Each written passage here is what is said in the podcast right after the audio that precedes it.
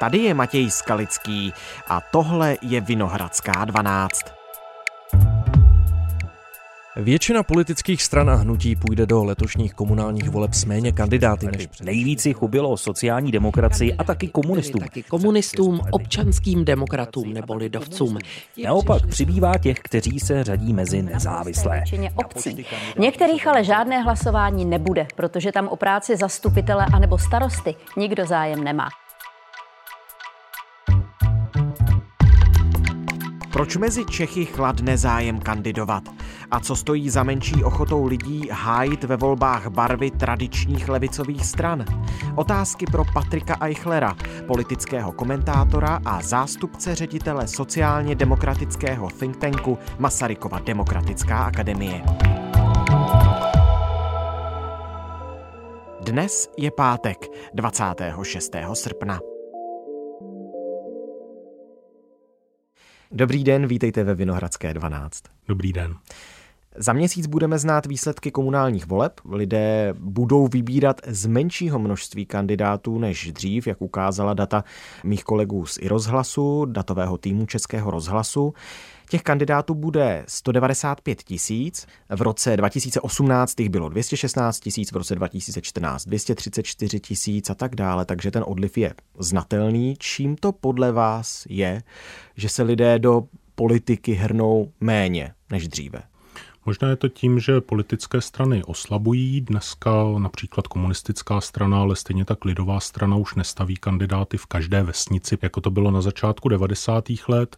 No a pak je to také krize reprezentace, to znamená krize zastupování zájmů ve společnosti a ve chvíli, kdy nemáte funkční struktury, které vám umožní zastupovat zájem, který jako občan máte na nějaké věci, ať je to v obci, ať je to na celostátní úrovni, tak samozřejmě to demobilizuje i vaši samotnou politickou aktivitu. Takže to je i sociologický nějaký problém? Určitě je to i sociologický problém, ale řekněme, že těch příčin je celá řada. Je to proměna vztahu k politice. My když eh, jsme dělali nějaké sociologické průzkumy, tak vlastně vidíme, že ten vztah k politice u velké části veřejnosti je silně poškozený. Politika je vnímaná jako divadlo, kde ti lidé hrají hru, tedy ti politici hrají hru, nezastupují zájmy těch lidí, kteří je volí. Eh, jsou to konflikty, které jsou jakoby jenom sehrávané pro oči veřejnosti, ale nemají reálný dopad na fungování politiky. To je nějaký obecný pohled vlastně velké části veřejnosti na politiku. No ve chvíli, kdy máte takovýto vztah k politice, tak prostě to zastupování zájmu nemůže fungovat. A pak těch příčin samotných může být eh, řada souvisejí na jedné straně s nějakými nezvládnutými politickými konflikty v minulosti, kdy některé z těch stran eh, nezvládly jakoby obhájit své vlastní voliče, například v nějaké velké parlamentní debatě. Částečně jistě tam hraje roli proměna komunikace na sociálních sítích, sítích, úpadek médií s širokým záběrem, která eh, mohla formulovat a vést větší společenské debaty. Určitě se k těm konkrétním eh, příčinám dostaneme stejně tak jako k těm konkrétním stranám, ale ještě se zeptám, čekal jste to, byl to očekávatelný trend a jenom český, anebo to můžeme vysledovat i v zahraničí? Je to něco, co se opakuje. My samozřejmě, když se podíváme hlouběji do 90. let, tak vidíme, že byl větší počet stranických kandidátů, menší počet nezávislých kandidátů, tedy poměrově, nikoli absolutně samozřejmě. A to je věc, která se vyvíjí. To znamená, to, že bude méně kandidátů, je předvídatelné, bylo to hmm. předvídatelné. Ono to ale souvisí třeba i s tím, že řada těch stran kandiduje v různých koalicích, ať je to ČSSD třeba v Praze v té koalici budoucnost, ale samozřejmě ať je to koalice spolu, která v různých podobách, nevždy tedy se všemi těmi třemi členy, kteří jsou v té vládní koalici, ale v různých podobách kandiduje společně a tím pádem, když máte v hlavním městě kandidátku, která má 65 míst, jste tam tři politické strany, no tak hold neobsadíte sami všechna ta místa.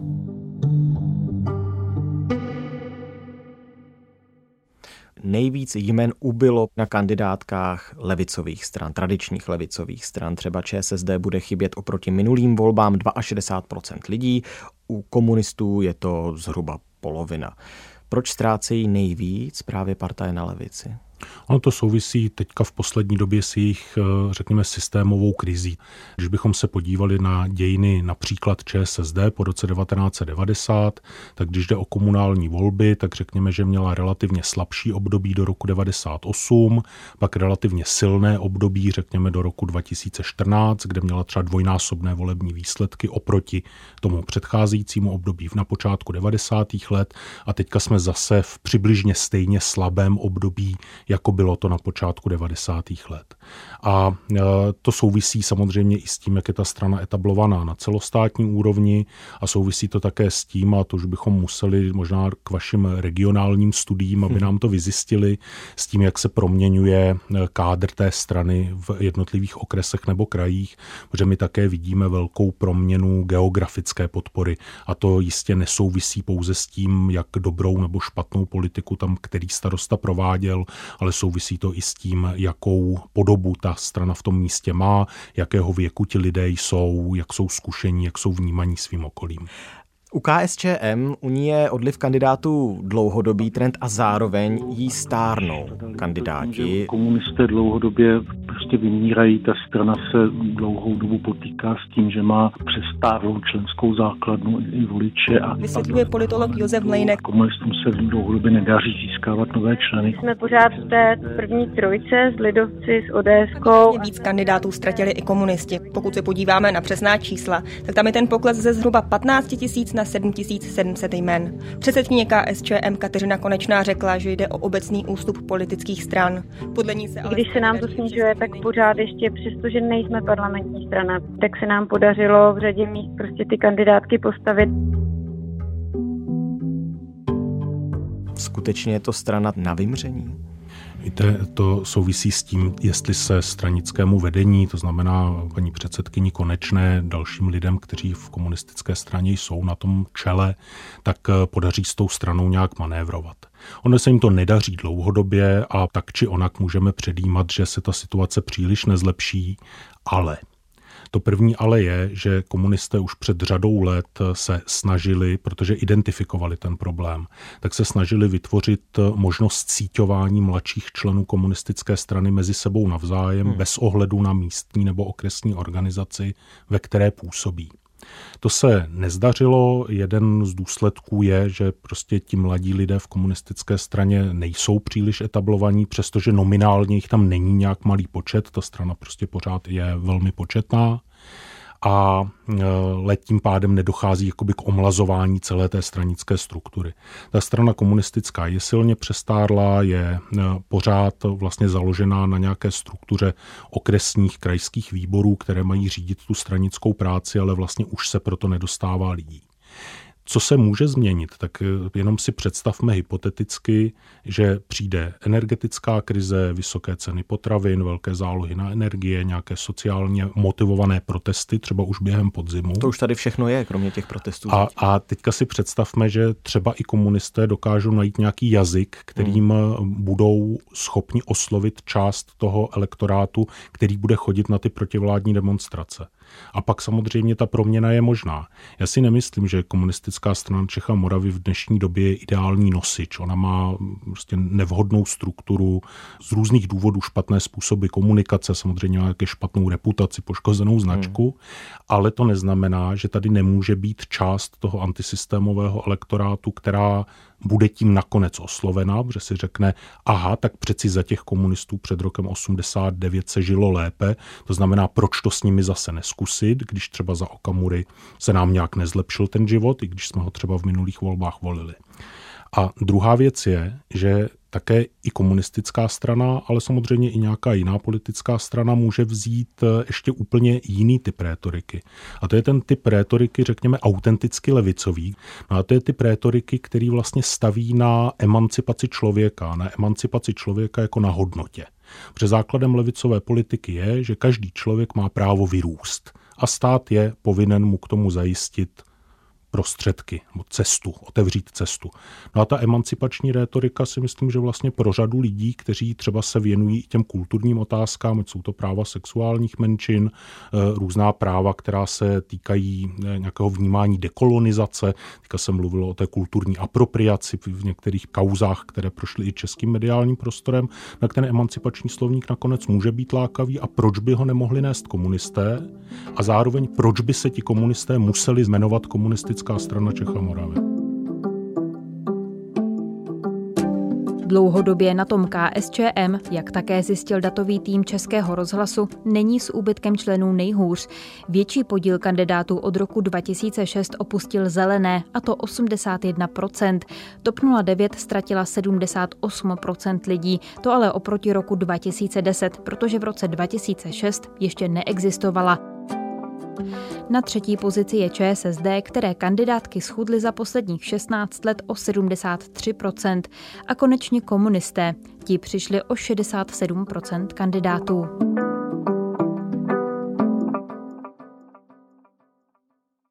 Napadá mě ještě jedna otázka, respektive ještě jeden rozměr a důvod, proč by mohly ty tradiční strany, které buď skončily v opozici nebo vůbec vypadly z poslanecké sněmovny, eh, přicházet o eh, kandidáty. Teďka tedy v komunálních volbách nechtějí lidé prostě kandidovat za strany úspěšné? Víte, to může být součástí příběhu, ale uh, lidé mají kandidovat za strany, které reprezentují jejich zájem. Hmm. A proto my máme politiku. My máme politiku jako nástroj na nenásilné řešení konfliktů ve společnosti. Ty konflikty vznikají, protože lidé mají různé zájmy.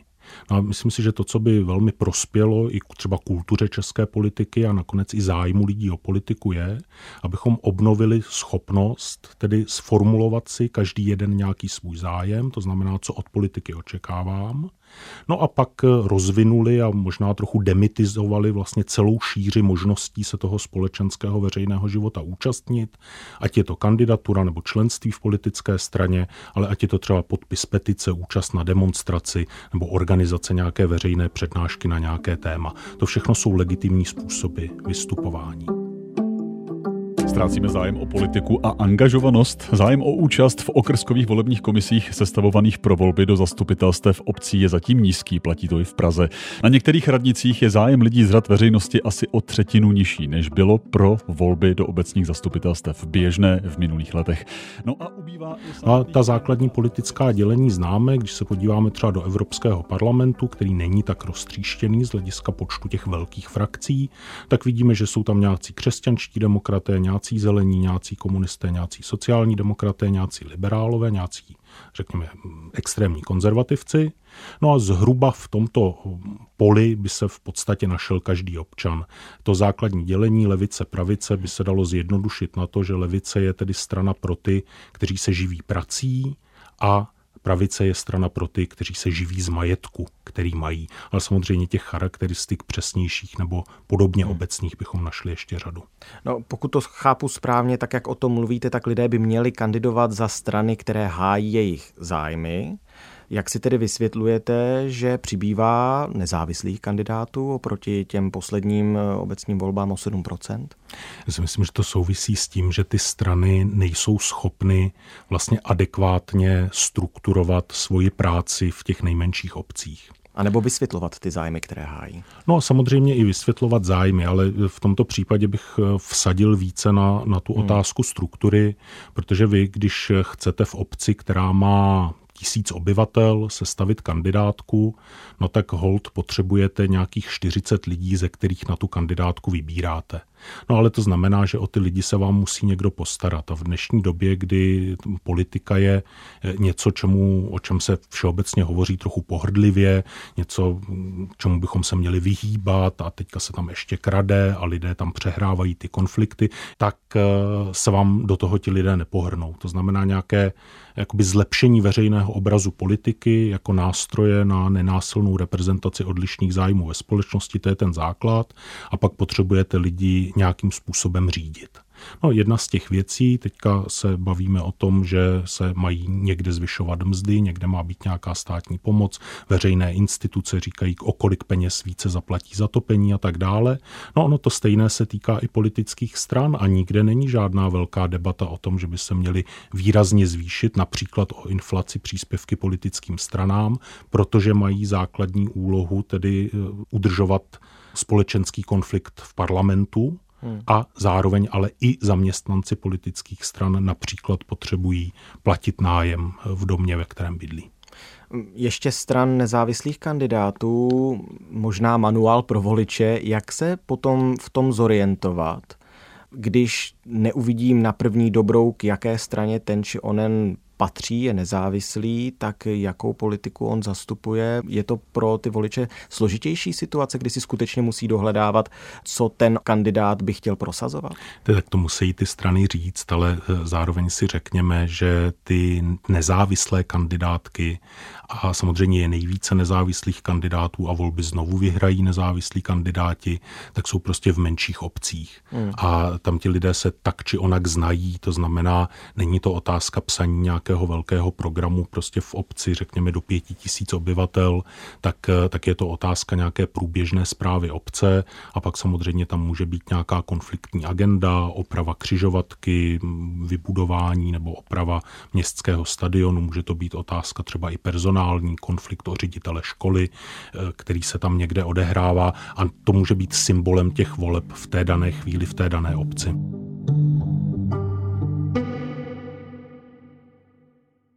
Ještě jeden zajímavý eh, fenomén, časté je takzvané přeběhlictví mezi stranami nebo mezi uskupeními. Letos z 200 tisíc kandidátů, tedy bezmála asi 20 tisíc lidí v minulých volbách reprezentovalo jiné strany a hnutí. Třeba Jaroslav Foldina byl před čtyřmi lety trojkou děčínské kandidátky sociálních demokratů, letos bude ve stejném městě lídrem eh, SPD.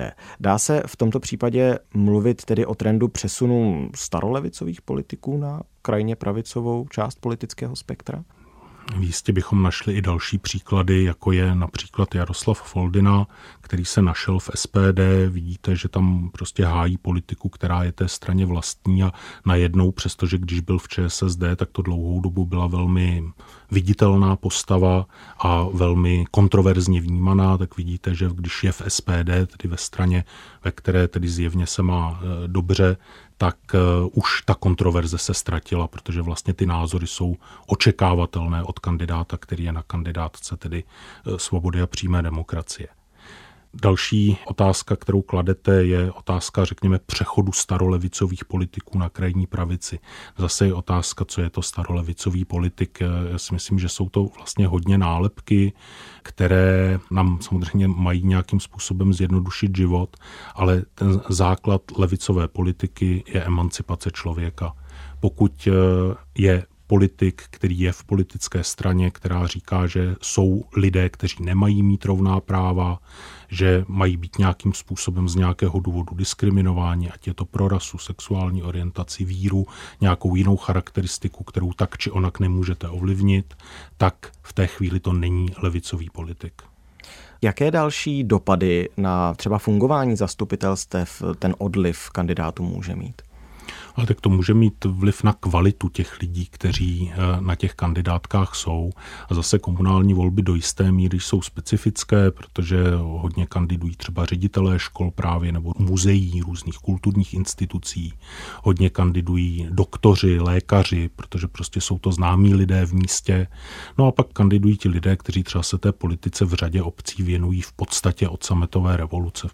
A z těch lidí ty kandidátky nějakým způsobem složíte, zastupitelstvo nějak obsadíte.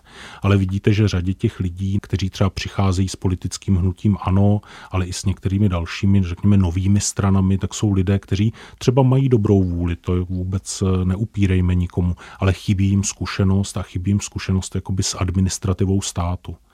A obce případně. Co když tu kandidátku ani neposkládáte? Nebo vytvoříte jednomístnou kandidátku? I to se může stát. V Ohařicích na Jičinsku ani ve Všeradově na Chrudimsku a letos komunální volby v řádném zářijovém termínu nebudou. Ale těch obcí budou jednotky a v zásadě v každých volbách jich jsou nějaké jednotky. Tam prostě přijde zástupce jmenovaný ministerstvem vnitra. Takové obce přijde správce z ministerstva vnitra. Který tu obec řídí do dalších voleb a je úkolem tedy těch občanů místních, aby si tu kandidátku sestavili v té či oné podobě. Bude ji řídit až do mimořádných eh, komunálních voleb. Zajišťuje základní chod, eh, proplácí faktory, eh, připravuje rozpočtové provizorium.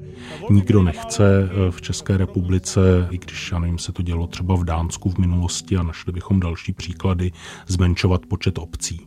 A zase je to otázka, je obec, která má tisíc obyvatel, dostatečně velký samozprávný celek, nemá být třeba charakteristikou obce, že ze svého rozpočtu udrží základní školu o dvou stupních, eh, nemá být nějaká jiná charakteristika, u které řekneme, pokud toto nejste schopni naplnit, tak prostě nebudete obec, ale to je opravdu velká debata, hmm. protože představa, že zrušíme třeba polovinu obcí v České republice, tak eh, si sice myslím, že by to organizaci státu pomohlo. Myslím si, že by to nakonec pomohlo i těm lidem v místě, protože by to pomohlo alokovat větší finanční prostředky a pomohlo by to snáze sestavovat kandidátky a třeba i obnovit ten politický konflikt na té nižší úrovni, ale myslím si, že nikdo není ochoten tu debatu v této chvíli ani započít.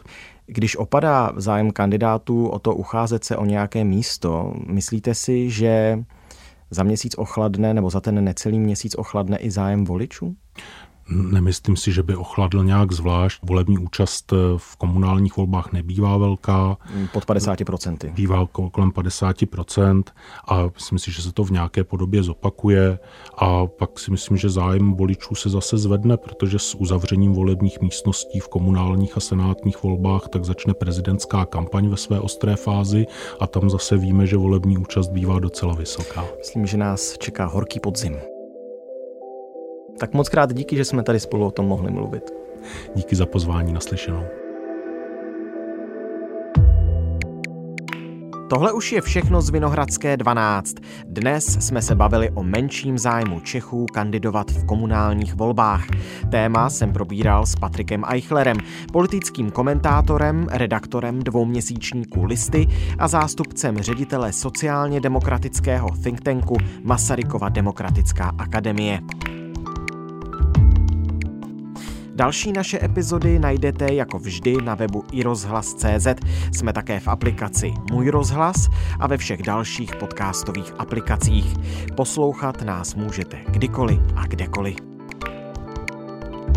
Naslyšenou v pondělí.